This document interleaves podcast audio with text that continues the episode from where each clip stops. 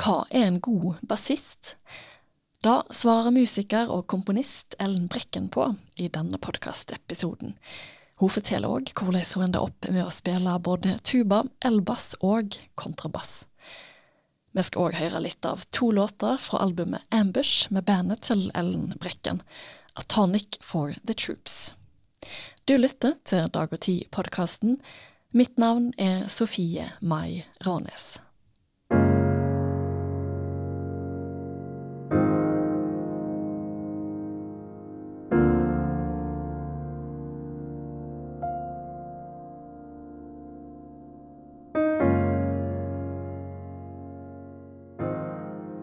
Velkommen til oss, Ellen Brekken. Takk for det. Du har en imponerende CV som jeg ikke skal ramse opp eh, her, men jeg må likevel eh, si et par ting. Mm. Du er da musiker, komponist, og du spiller kontrabass, elbass og tuba. Mm. Og du spiller fast med flere band. Jeg nevner Hedvig Mollestad Trio, Du og jeg og Vi 234. Mm. Falkevik, Kontrabassorkesteret. Men det er òg et eget band, Atonic for the Troops.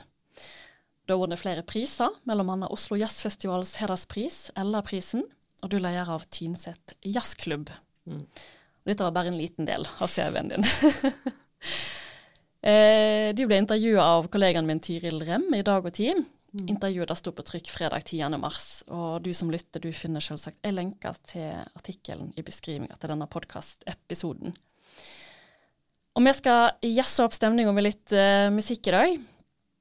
Eh, men før da så vil jeg gjerne høre historien om hvordan du endte opp som eh, bassist. Altså, jeg kommer fra en sånn korpsfamilie, da. Eh, og da jeg spilte Altså, pappa spilte kornett. broren min, som er sju år eldre, spilte trombone. Søstera mi, fire år eldre, spilte klarinett. Så det var liksom helt, lå veldig an til at jeg skulle begynne å spille noe. Og jeg har jo da tydeligvis ytra et ønske om at jeg ville begynne å spille tuba. Men det, jeg kan ikke huske det sjøl, da. Men men det har jeg gjort, da. Og da når jeg var ti, så begynte jeg da på baryton i, i Aspera-korpset, eller sånn i kulturskolen. Og så tror jeg jeg og en til, vi var nok liksom Det er sikkert blanding av at man alltid trenger gromessing, da, i sånn eh, Og så var vi kanskje litt gira og kanskje litt flinke, så da fikk vi være med liksom, i Aspeøra-korpset et halvt år for tidlig. Så det ble sånn gulrot å være med den som var eldre, ikke sant. Være med på korpstur, jeg husker hvor vi dro, men eh, samme det. Eh, så da var jo liksom bare sånn greia. Og så skjedde det her en gang til når jeg skulle da inn i hovedkorpset, da, som da var fra sant, ungdomsskolen og oppover. Eh, og da trengte de en tubaist.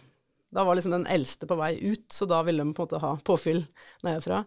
Eh, så da fikk jeg være med i hovedkorpset et år for tidlig. Og sitte ved sida av han og liksom lære, da, og liksom bli trygg. Og, og, han sa jo bare 'bare spill det som står', og så var det ok, greit. Eh, men, og da fikk jeg veldig sånn Vi dro opp på en sånn korpstur til Bournemouth i Sør-England, og da spilte jeg en nøtteliten sånn, sånn tuba-solo, og så vant vi den konkurransen. Så det var liksom bare en million sånne gulrøtter da, som lå der, som jeg på en måte tok, da. Og så begynte jeg da på ungdomsskolen, og mamma hadde en sånn ja, dårlig kassegitar fra lærerskolen, på en måte. Uh, så da liksom begynte jeg å spille på den, men jeg syns jo ikke akkorder var noe artig, da. Jeg syns det var mye artigere å spille bassen. Sikkert fordi jeg da allerede hadde liksom begynt å spille bass, da, på en måte. Så jeg drev med det, og det plukka sikkert da både mamma og pappa opp, da, at det syntes jeg var artig. Så da fikk jeg låne Altså onkelen min, som òg som sagt, hele familien er korps, eh, eller musikkgjeng, da.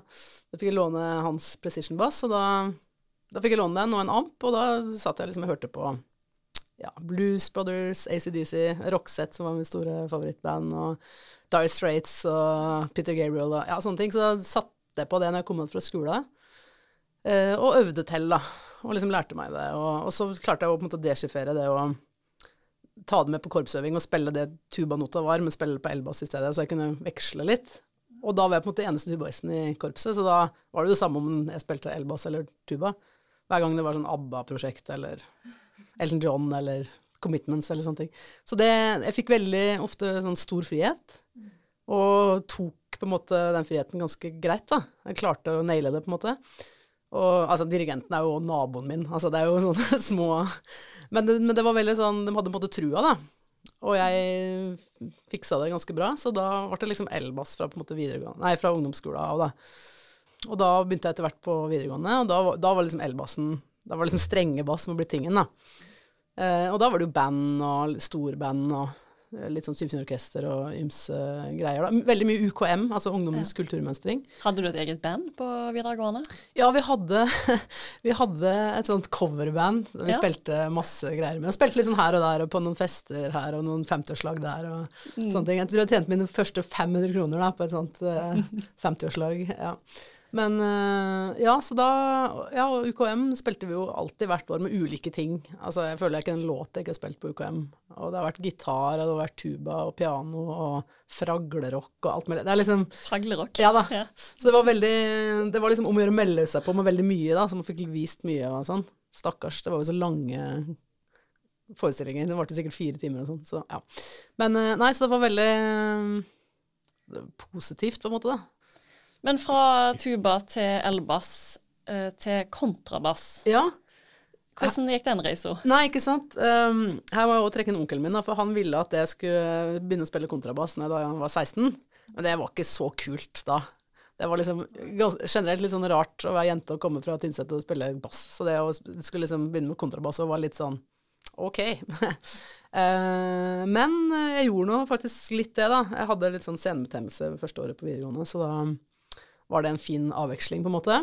Okay. Uh, men så jeg fikk liksom ikke helt taket på det, så jeg la det liksom bort igjen etter hvert når den hadde gått over. Og...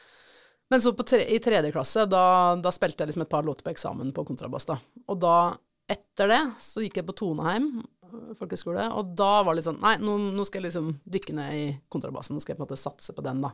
Da hadde jeg òg fått mye større jazzinteresse i løpet av videregående, da. Hvordan er det, er det veldig annerledes å spille på disse ulike basstypene? Altså hvis vi tar elbass og kontrabass, da. Eh, Ja, du må være liksom litt mer nøye med teknikken på kontrabass. Eh, også på, på elbass kan du tenke mer eh, på tvers av strengene. Du kan holde deg på en måte i ett område, mens på kontrabass må du tenke mer oppover langs strengen. Nå gestikulerer jeg veldig her, men Ja. eh, du begynner liksom nederst og spiller deg oppover, som en lang linje, på en måte.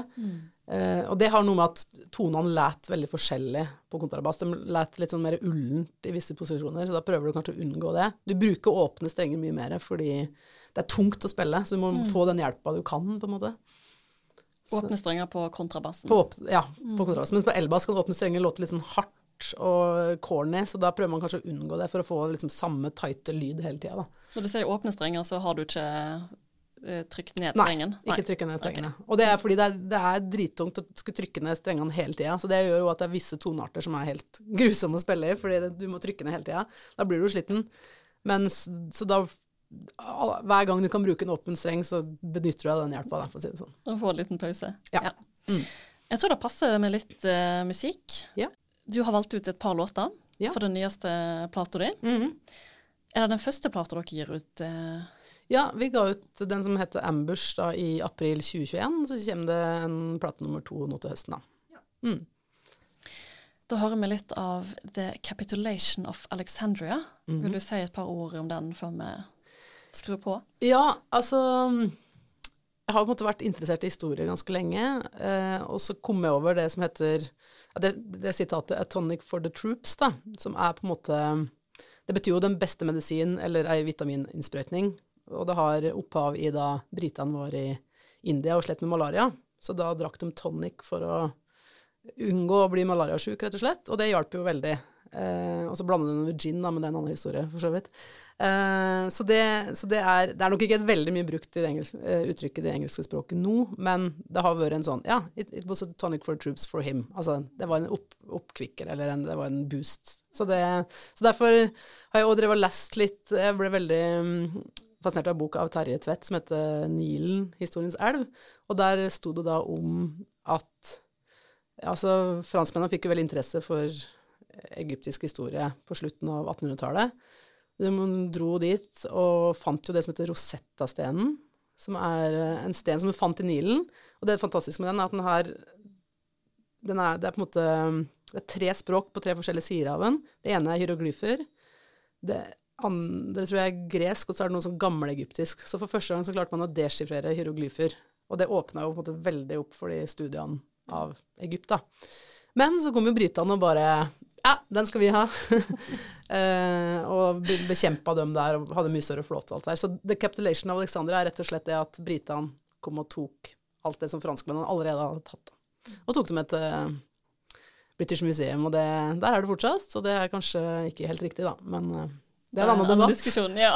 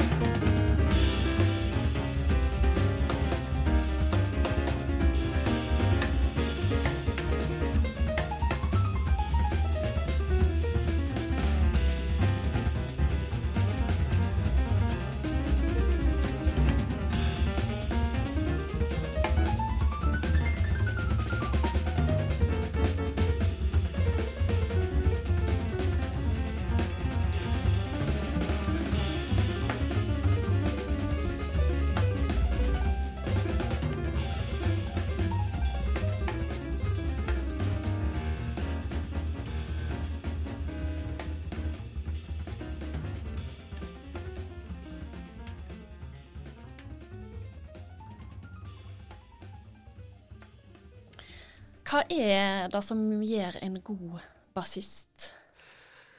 Ja um, Spørs om hvilken sjanger du mener, da. Om du er liksom klass, I klassisk musikk så er det jo det å bare Altså, du må jo kunne instrumentet ditt veldig godt, da. Og du må kunne gjenskape det som står på nota. Men klart, nå er jo jeg mer i Kommer fra jazzutdanning og har gjort mye pop og folkemusikk. Og det er jo det å for det første måte eh, gjør det du, du blir bedt om, på en måte. Okay. Vær stabil og stødig. I jazz er det jo det å på en måte alltid vite hvor eneren er, og alltid kunne gi til de andre et underlag som de kan spille på. Man skal jo på en måte ikke nødvendigvis skinne. Det er ikke du som står i front, da. Så, så det viktigste der er på en måte å mm, gi rom for andre og støtte på andre, og få trommer og bass til å funke sammen, at det gruver bra. Og det har jeg merka et par ganger når jeg har vært på mm, altså en type sånn opptaksprøver der jeg har vært uh, sensor, på en måte, da. At folk uh, misforstår bassrolla litt. At de da de skal spille så mye solo og sånn under da sin opptaksprøve, mens egentlig så er jo det vi er ute etter, å se åssen funker det med bass og Nei, med trommer og eventuelt gitar eller piano. For det er jo virkelig det vi skal gjøre mest av. Ikke det å spille solo. Um, så det er på en måte det grunnleggende. Men etter hvert så er det jo det å eksempel altså, skape motstemmer, da. Kontrapunkt. Og skape måte, noe som fungerer både rytmisk, harmonisk og melodisk, da. Eh, bidra med noe som du ikke trodde det gikk an å høre, f.eks. Uh, men en blanding av det å gi plass og det å ta plass, da. Ja, fint svar. Ja. Vanskelig Ja. Så, så det er jo òg kult at Eller hvis det er snakk om å reprodusere en type stil, da, så er det jo det å så klart lære seg hva, hva er det som funker der. Altså, jeg har spilt litt ABBA på Folketeatret, og da er det jo virkelig bare å spille det som står i nota, og få det til å funke. For det er, det er utfordrende både Altså, du må være til stede som bare juling, da. Eh, så da er jo det det. Men hvis jeg skal spille i en folkemusikksetting, folkemusikksetting så må jeg jo prøve å lage noe som kan bidra til det de andre gjør, men òg kanskje noe nytt, da. Eller det spørs jo helt om jeg skal spille mer sånn gammeldansbass, eller om jeg skal lage et teppe som de andre skal få lov å spille på, eller ja. Altså, du har vært med å spille på ABBA-oppsetningen i Ja. Folketeatret? Mhm. Ja. Så gøy. Ja, ser, det er kjempemorsomt, fordi bassen har så utrolig stor eh, plass i den musikken, og, og uten den så detter jo nesten sammen. Og, men så er det, det er som et sånt stor, eh, stor tannhjul som bare Alt må funke. Du kan ikke spille mer enn det som står, for da, da dette sammen, på en måte. Du må spille akkurat det som står, så må du få det til å gruve sammen med trommer og resten av bandet.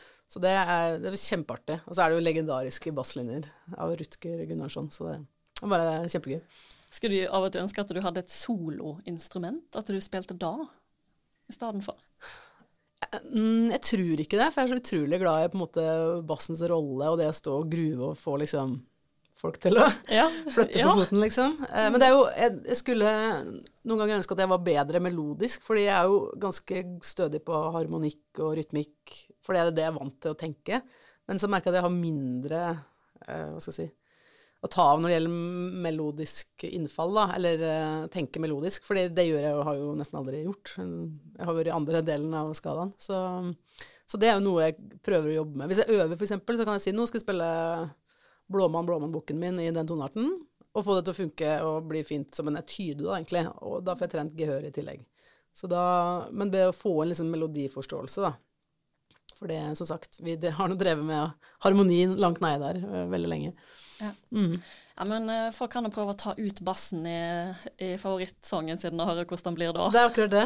Og nå tror jeg det er forska på at endring i bass er det som er lettest å høre, da, for øret. Så hvis endringer i bassfrekvenser er det som folk legger fortest merke til. Så du kan jo på en måte si at eh, bass er det viktigste instrumentet i musikken. Men jeg kan bare si et eksempel, da. Um, vi spilte på Vinjerock med et sånt band som het Vinjefolk, som var et sånn sammensatt band som skulle da spille Og det var på en måte lørdag kveld på Vinjerock. Litt sånn Oi, really? Skal vi få lov å stå der da? Uh, og da ble det jo litt sånn party-folkemusikk da, med låter fra ja, Norge, og så var det med folk fra flere land, så det var Fikk en bra Men vi hadde ikke peiling på åssen det skulle funke, da. Men det traff jo helt vanvittig bra. Og da var det Det som jeg merka, var typisk et sånn eldgammelt triks at du liksom begynner med feler, ikke sant, så kommer bass og trommer inn, eller resten av bandet, og så legger du av bass og trommer i så og så mange takter, og så kommer vi inn igjen. Og da Altså, folk klikker, liksom. Så det er helt sånn utrolig gøy å se på. At når det da kommer inn igjen, så blir folk helt sånn Ja, det var helt utrolig morsomt å se på. Men jeg har òg på en måte spilt eh, pff, i noen bekjentes liksom 70-årslag og bare spilt bass. Bare spilt liksom valse ding, ding. Og folk har dansa til det. Så det sier jo noe om liksom Folk klarer det òg. Og Ja. det, det trenger ikke egentlig mer enn det. Du sitter jo nå i studio til dag og tid, og Ja. vi har jo egne meldingssider med både litteratur, musikk og film. Ikke sant? Og så lurte jeg på, eh, når du gir ut et, et album, Ja. eh, og, og vil nå ut til et nytt publikum, syns du det er lett å, å få på en måte meldt musikken sin? Nei, jeg syns ikke det. Eh, Jeg tror det er en blanding av at det er veldig mange som vil ha ut sin musikk, og at altså, det jeg har gitt ut sjøl, har jo vært eh, høyenergisk jazzmusikk, så det er jo ikke sikkert det heller er på en måte midt i bullseye. Men eh, nei, altså Og jeg kjenner jo til dette gjennom flere bandprosjekter, at man må jo som oftest betale noen for promo, og hvis du ikke gjør det, så kan du nesten da er det liksom de nærmeste vennene dine da, som får det med seg. For det, det gis ut så mye hver eneste dag. Altså Hver fredag så ser jeg folk som sier sånn 'Gir ut singel i dag. Gir ut plate nå.' Ja, la, la, la, la, la. Så uten den liksom promojobben Og det, det tror jeg gjelder for dem som skriver Jeg tror det er på en måte utopisk å tro at man skal bare gi ut ei plate, og så skal noen bare plukke det opp rett fra gata, og så skal det liksom nå Mm. toppen av hitlista. Det tror jeg er ekstremt utopisk. Du må rett og slett jobbe veldig hardt Ja. for å bli sett og hørt. Ja, og så Ja, som sagt, jeg tror du må betale for promo, og så må du sikkert ha litt flaks. Jeg, og så må du sikkert være på TikTok, det er ikke jeg. Så det er liksom eh, Eller altså, det er jo klart, her er det for, veldig forskjell på liksom popmusikk og andre sjangre, da. Jeg forventer jo ikke Altså, man skjønner jo det, hvorfor popmusikk er der oppe, liksom. Og det er det jeg syns er fint med Altså, hvis man prosentvis skulle tatt hensyn til åssen musikk ble likt, da, så ville det jo bare vært pop i avisene, egentlig, på en måte. Kanskje de andre til sammen 10 Men heldigvis så er vi på en måte Dag og Tid skriver jo om da en rekke forskjellige sjangere, så man kan lese med det. Og det har det vært bra med Spellemannsprisen og i hvert fall til nå, da. At ja, du sitter og ser på, da skal du fordømme meg sitte og få med deg Hvem er det som vinner danseband i år? Hvem er det som vinner folkemusikk? Hvem er det som vinner metal? Hvem er det som vinner åpen klasse? At du, du, du må liksom tvinge deg sjøl til å gå litt utafor din favorittsjanger, da. Mm. Men det syns jeg jo ikke ble gjort så veldig bra i fjor, f.eks. I tillegg til ditt eget band, så har du, som da heter Atonic for the Troops, som jeg var innom tidligere, mm. så spiller du òg i Hedvig Mollestad Trio. Ja. Dere har spilt sammen siden 2009. Yes. Og i intervjuet som sto på trykk her i dag og tid, mm. så sier du at uh, dere kjenner hverandre utrolig godt.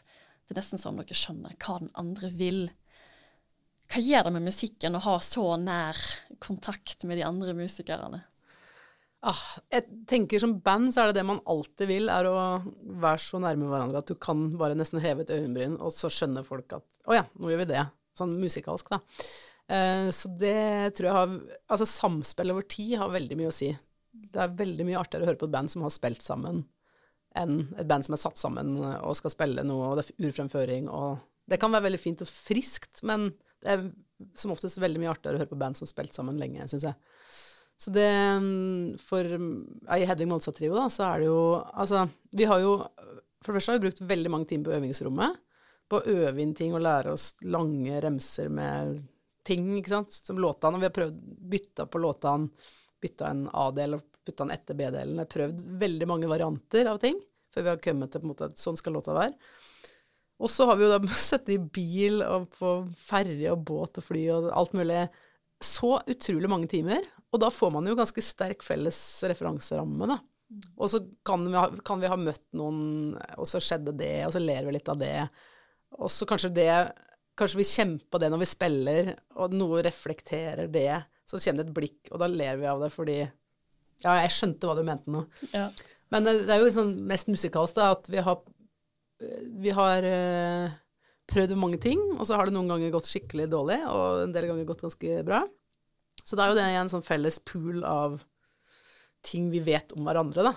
Og det er jo ofte at Eller hvis jeg skulle på en måte miste timen og miste hvor jeg er, da, eh, og skal finne på en måte eneren i neste takt, men jeg, nå har vi mista det, så kan jeg ofte bare høre på Ivar Ja, OK, jeg skjønner hvor han er, og der kom eneren. Ja. Eh, så, og det er jo på bakgrunn av at vi har spilt så utrolig mye sammen. For det er jo lytterne som ikke er så kjent med jazz, når du ja. sier eneren. Ja. ja. Nei, det er jo på en måte starten av hver takt, da.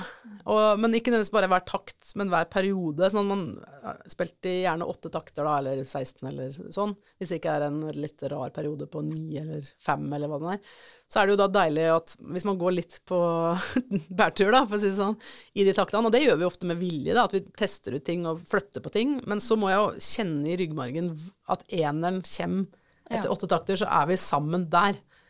Hvis ikke så blir det jo veldig ustabilt. Og det kan jo være gøy i en kortere periode, men hele sangen kan jo ikke være det. på en måte. Legger dere liksom inn i løpet av en sang her skal vi ha rom for oss å gå litt ut på bærtur? Ja. ja. Mm. Det gjør vi. Så noen partier som er veldig stramme, og der er det bare om å gjøre å spille riktig. Og så er det andre partier der hvor sånn Nei, her eh, Eller det kan være en intro på en låt der vi bare Ok, på et eller annet tidspunkt så begynner vi sammen, men vi vet jo ikke hvor lang tid det tar før vi kommer dit. Nei. Men av og til så bare føler vi det. Og noen ganger så bommer vi. Men det er som, jeg tror som oftest det er bare vi som hører at vi bommer, da. Men jeg tror vi, kan, vi har ikke noe sånn pokeransikt, så vi, du kan nok se det på oss at vi prøvde på noe, og så gikk det ikke. For så ja, følelsesløse tror jeg ikke vi er, på en måte. Ja. Um, du har jo du har jo en bachelor fra ja. Norges musikkhøgskole. Mm. Og gjennom den så var du på utveksling i Cape Town ja. et semester. Du studerte jazz, da, eh, mm. for å bare presisere det. etter dette her semesteret i utlandet, så kom du hjem til Norge, Ja. og du syntes at, at nordmenn var bortskjemte. Mm. På hvilken måte endra dette oppholdet i utlandet deg? Oi. ehm, jeg, jeg fikk jo et mye bredere verdenssyn, da, så klart. Eh, og det at Jeg tror på en måte at man kommer ut fra Norge med sånn sosialdemokratiske briller, og alle er like, og alle er like mye verdt, og alle skal få like muligheter. Og så kommer man til en plass der det så absolutt ikke er sånn, da. Ehm, og det Og jeg tror òg liksom at For dette gikk jo på en måte på hudfarge, da, i Sør-Afrika. Hvem som på en måte Hvem som har mest penger, og hvem som ikke har det, og hvem som har mest muligheter, og hvem som ikke har det. Ja. Og for meg Jeg ser jo ikke min egen hudfarge, men jeg, så for meg så Jeg måtte gå blanke i hva folk tenker om meg, men du la jo merke til åssen folk ble behandla ulikt, f.eks. Uh, og det er jo veldig trist å se, da. Men uh, for det viktigste for meg er jo åssen om folk spiller bra eller er fine folk. Altså, jeg er jo blanke i det, på en måte. Men uh, Hvordan var det å komme tilbake igjen til Norge etter dette oppholdet? Nei, For det første så var det jo altså, Vi hadde jo en sånn humor der som var helt ulik den vi hadde her. Så alt jeg på en måte sa når jeg kom tilbake, var sånn Det var jo ikke noe morsomt, fordi det var ingen referans, felles referanser, ikke sant. Nei, jeg syns jo vi var uh, bortskjemte. Altså, der var det jo sånn at det satt alltid noen utafor en restaurant og, og spurte om du kunne få takeaway-maten. Det var bare en sånn greie at alle tar med doggybag hvis du ikke har spist opp alt, og så gir du det til den som sitter utafor. Ja. Det var en sånn greie alle gjorde. Og så var det jo mange som sto på en måte par, var sånn parkeringsplassvakter, da, så ga du dem så og så mye kroner for at du skulle liksom passe på bilen din mens du var inne. da. Eh, og det var det jo overalt, og det var jo og folk på gata ganske mange plasser. Så det når jeg første liksom kom tilbake til Norge, var å liksom møte nordmenn på taxfree-en ah, liksom hamstre som gærne for å få ut hver eneste lille krone av den taxfree-kvota. Da var jeg sånn Åh, så da følte jeg, jeg følte på en måte at det var ingen i Norge som hadde opplevd noe sånn virkelig Noe som tok tak, da. Og det er jo så klart eh, Det er det jo virkelig. Men, men generelt at nordmenn var bortskjemte og ikke hadde liksom kjent på det å møte livet skikkelig, da. Så det tok noen måneder der før jeg på en måte godtok eh, at den norske væremåten er som den er. Og så som sagt, det er jo virkelig veldig ulikt i Norge òg, så det går ikke an å skjære alle over én kam. Så, men, men der var det jo mye mer tydelig da, i bybildet, og du bare vet at folk har dårligere råd, rett og slett. Hvis vi ser på musikken, da. Mm. eh, Ble du inspirert? Eh, Har du tatt med deg eh, noe inspirasjon fra det oppholdet i, videre i musikken? Ja, jeg tror det. Altså, jeg tror nivået der For de begynner når de er litt yngre enn oss. De begynner gjerne med 18, mens her begynner vi kanskje når du er 20 eller 21 fordi du har gjort et par ja, folkehøyskole eller noe sånt først. Så, så sånn sett var jo nivået kanskje litt lavere, men, men det var jo en ganske, veldig stor spilleglede, da. Uh, og det var jo òg noen utøvere som var helt sånn vilt bra, som bare Hva var det noen? utøvere, Utøvere, som var mm. kjempebra, som jeg bare lærte masse av. Men der var det sånn Jeg var eneste liksom, bassisten der akkurat da som Altså, noen var liksom på skråplanet, så da Det møtte ikke opp på skolen og sånn, og jeg gjorde jo det, så da fikk jeg jo litt spilljobber der og sånn. Så mm, jeg fikk jo spilt mye der, da. Sånn etter hvert. Altså, man må jo Jeg var det bare et, seks måneder, så det tar jo litt tid før man liksom har fått vist ansiktet sitt og sånn, da. Men øh, ja, nei, det var Og så møtte jeg jo da mye studenter fra ja, både Sør-Afrika og landa rundt, men òg da fra hele verden, for det var mye utvekslingsstudenter. Vi skal høre litt mer musikk. Ei låt til fra Ambush. Mhm. Eh, og da tenker jeg du kan få til å uttale navnet Ja. på den låta. Bon Velgelegen Road. det er altså gateadressa der vi bodde i Cape Town. Ja. Det er vel uh, afrikansk, da. Altså språket afrikansk. Derfor er det sånne harkelyder. Mm. Uh, det er jo en litt sånn rolig nedpå-sang, da. Egentlig så var jo ikke det oppholdet så veldig rolig og neppe. Det var jo veldig mye gøy og bra som skjedde. Så. Men uh, den ble skrevet der, så det er derfor, da.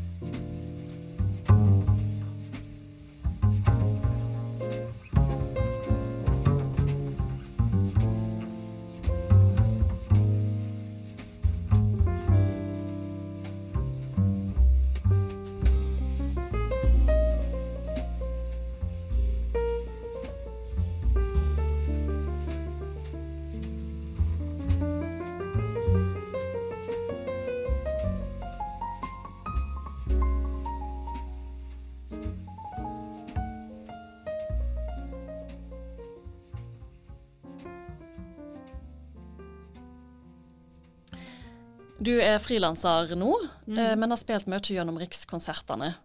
Rikskonsertene der ble en del av den nye institusjonen Kulturtanken i 2016. Mm. Hva har Rikskonsertene og eventuelt òg Kulturtanken hatt å si for, for deg som musiker, eller for musikere generelt, kanskje?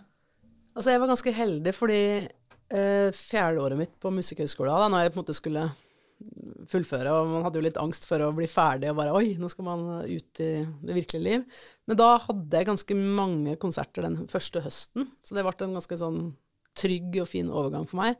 Og da fikk det jo Det var med Espen Ruud, blant annet, som er den kanskje største ringreven i, i Norge når det gjelder Ja, mye, men særlig rikskonserter, da. Men um, så jeg var veldig heldig som fikk den smoothe overgangen. Eh, og fikk jo da mye erfaring med det ganske fort. Og vi, altså, det var har, det var noen år der jeg var så mye i Nord-Trøndelag. jeg var, gjorde liksom hele fylket sånn to og en halv gang, tror jeg, på to og et halvt år, på en måte. Så det er, men det, altså Du fikk jo utrolig mye spilleerfaring. Fikk møtt eh, masse unger. Fikk, altså, en ting er å sitte og øve på uh, Musikkhøgskolen, og øve på noe frijazzgreier, eller hva som helst, da. Noe som på en måte er veldig innadvendt og veldig for min egen del. Ehm, da var det veldig nyttig å komme ut og bare møte på en måte det virkelige liv, da. Og da liksom få ærlig tilbakemelding eh, fra unger i, form av ansiktsuttrykk og Ja. Ikke sant? Så det var veldig, veldig fint for meg. Og har jo da vært med i kanskje sånn fem, seks, sju forskjellige prosjekt, da. Eh, og det er jo, er jo kjempe Altså man blir jo Man blir liksom trygg. Man får spilt det mm, samme mange ganger eller mange dager på rappen, så man får jo Ting blir liksom Ja, du får på en måte utkrystallisert det, og du Ja, får virkelig Perfeksjonert. ja, perfeksjonert det på en måte. Mm. Så, og det er jo òg Altså, det er jo Det er mange musikere, meg sjøl inkludert, da, som har Det har vært en veldig, en veldig god arbeidsgiver, da. Og veldig Mm. trygg arbeidsgiver. Og nå er du da din egen arbeidsgiver. Ja. Ja. Det er man jo Eller det er vel det som har skjedd, da. For eksempel at Kulturtanken, der nå er det Du er ikke arbeidstaker lenger, du er lønnsmottaker Eller du er eh, Du må sende faktura, for å si det sånn. Eh, og det gir, gir noen andre utfordringer. Fordi mens det fortsatt var f.eks. Rikskonsertene, så kunne jeg brøkke hånda dagen før turné og likevel få de pengene jeg skulle fått for den turneen. Men nå er det ikke sånn. Og ikke bare det, men jeg ødelegger jo for de andre to hvis jeg brekker hånda dagen før turné. Så det gir jo en mye større usikkerhet. Og det har jo vært en, et tema for diskusjon at de ikke vil gi oss lønn, men bare honorar. Og det har jo et eller annet med at man er jo egentlig ansatt i hver enkelt, hvert enkelt fylke, da. Så det er jo mye greier der. Og jeg kan ikke alt der. Men, øh, men det er øh, litt utfordrende, det, ja. Ja, hva, altså, hva tenker du liksom verdien av en musiker? Ja. Ja. Oi, oi, oi. Altså, ja. Ja, jeg tenker at øhm, Jeg tenker jo at f.eks. dagens unge har uh, veldig godt av um, mange forskjellige liksom, kunstuttrykk.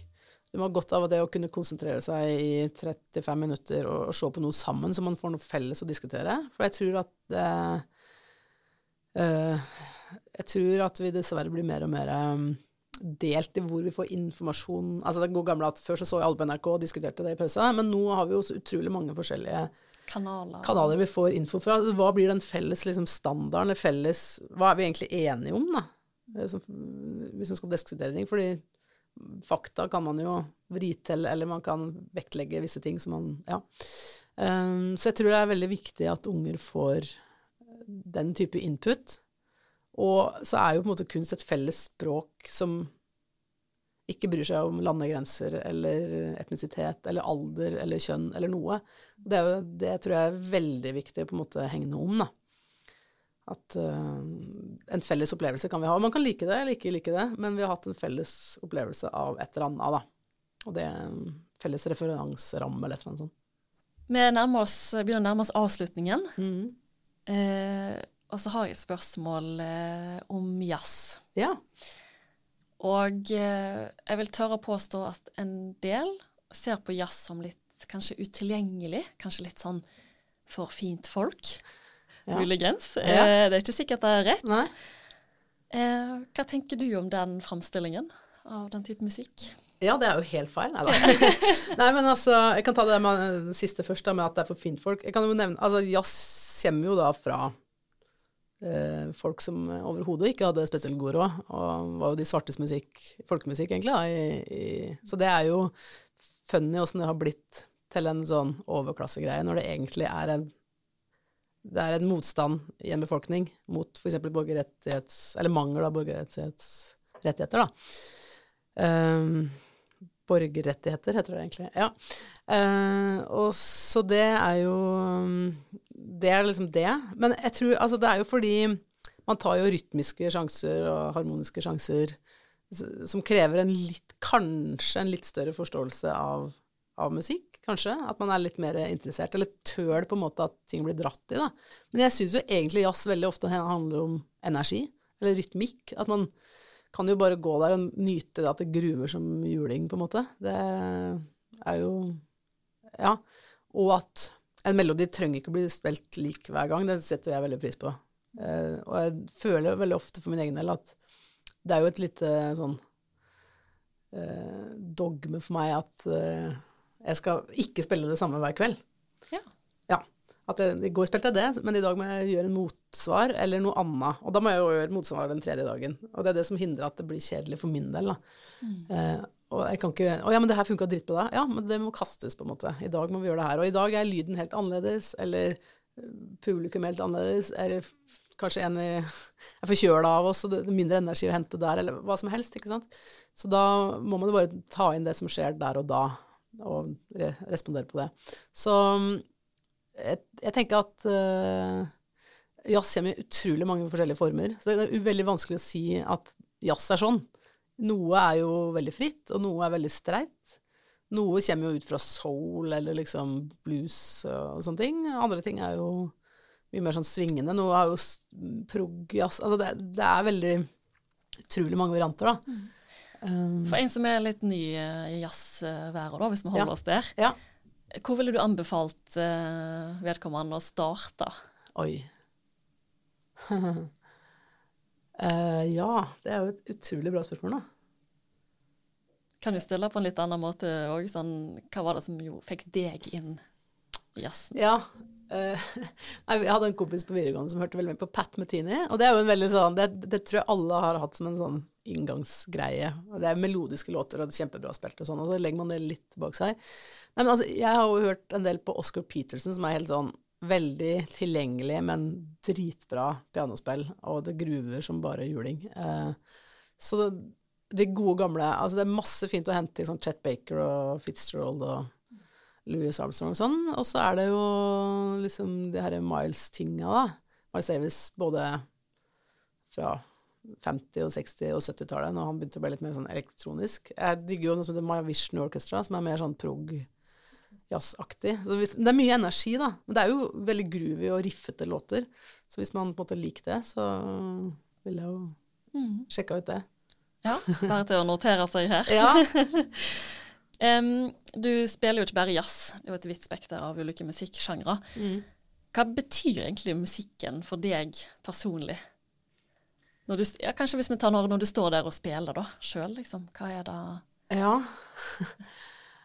Altså det, det, er mange tanker som går gjennom huet mitt når jeg spiller, da. Men uh, det er jo um, Føler jo på en måte at uh, en gruv eller et ostinat eller uh, en rytme gir på en måte mening. Altså jeg legger på en måte ganske mye sånn emosjonell mening i Nå spiller jeg ned den tona, og det er, det er, med vilje, for jeg vil at den skal liksom Den lett annerledes enn den, selv om kanskje folk helt, tenker helt andre ting da, når de hører det. Men uh, det, det betyr jo Altså, det er veldig sammensatt, da. Uh, det er jo det rent på en måte teoretiske 'dette funker fordi sånn og sånn', eller 'dette funker ikke'. Og så er det på en måte referansene, som er grunnen til at jeg liksom setter på Roxette og blir kjempeglad, for jeg hørte på masse av det da jeg var liten. sant? Eh, så er det jo det samspillet, både med andre folk på scenen, men òg ut til publikum. da. Det at man liksom Nå er vi her og opplever noe felles sammen. Så tror jeg, jeg tror liksom at det er bare det at man har en slags direkte linje inn til en annen person bare ved å spille musikk. Liksom, vi, trenger ikke noe språk. Vi trenger bare å Nå spiller jeg noe som jeg prøver å lage pent, for at du skal høre det som pent. på en måte. Um, ja. Uh, det, er, det er, sånn veldig mangefasettert, da. Det er, det, er liksom, det er, på en måte både identiteten min, men òg Ok, nå skal jeg vaske leilighet, så da setter jeg på en uptempo-sang. I dag satte jeg på noe litt sånn prog-jazz. og vært, akkurat i dag ble det liksom litt for heftig. Men hadde det vært senere på kvelden i dag, så kanskje hadde det gått uh, bra. Så jeg bruker det både sånn rent til å gjøre ting, eller til å få meg en stemning hvis jeg skal race en plass, eller jeg skal Nei, nå vil jeg rolig litt ned, jeg kan sette på noen halvtriste låter, liksom. Ja, så det, det er jo det er jo til stede i liksom hele livet mitt. Og det liksom høres litt liksom flåsete ut å si, syns jeg, men eh, det er jo på en måte sant, da. Ja, det var et litt flåsete spørsmål, så det er lov. ja, ja, det, men jeg tror jeg, jeg, hadde ikke jeg hadde ikke trodd, eller tenkt, tror jeg, at jeg skulle bli musiker da jeg var liten, for jeg visste på en måte ikke at det gikk an. Men så har jo på en måte musikk alltid vært så viktig for meg, at det var jo bare å føle den leia, og så ble det litt sånn, da.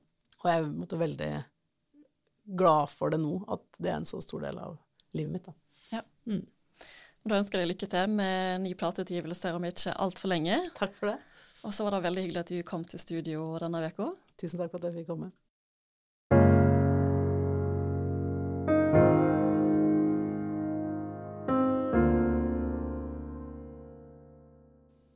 Du lytter til Dag og Tid-podkasten. I denne episoden fikk du høre utdrag fra låtene One Velgeleren Road og The Capitulation of Alexandria. Begge låtene fra plata Ambush av Atonic for the Troops. Har du tilbakemeldinger på podkasten vår, så send meg gjerne en e-post. Adressa er sofie krøllalfa dagogti.no. Takk for at du lytta.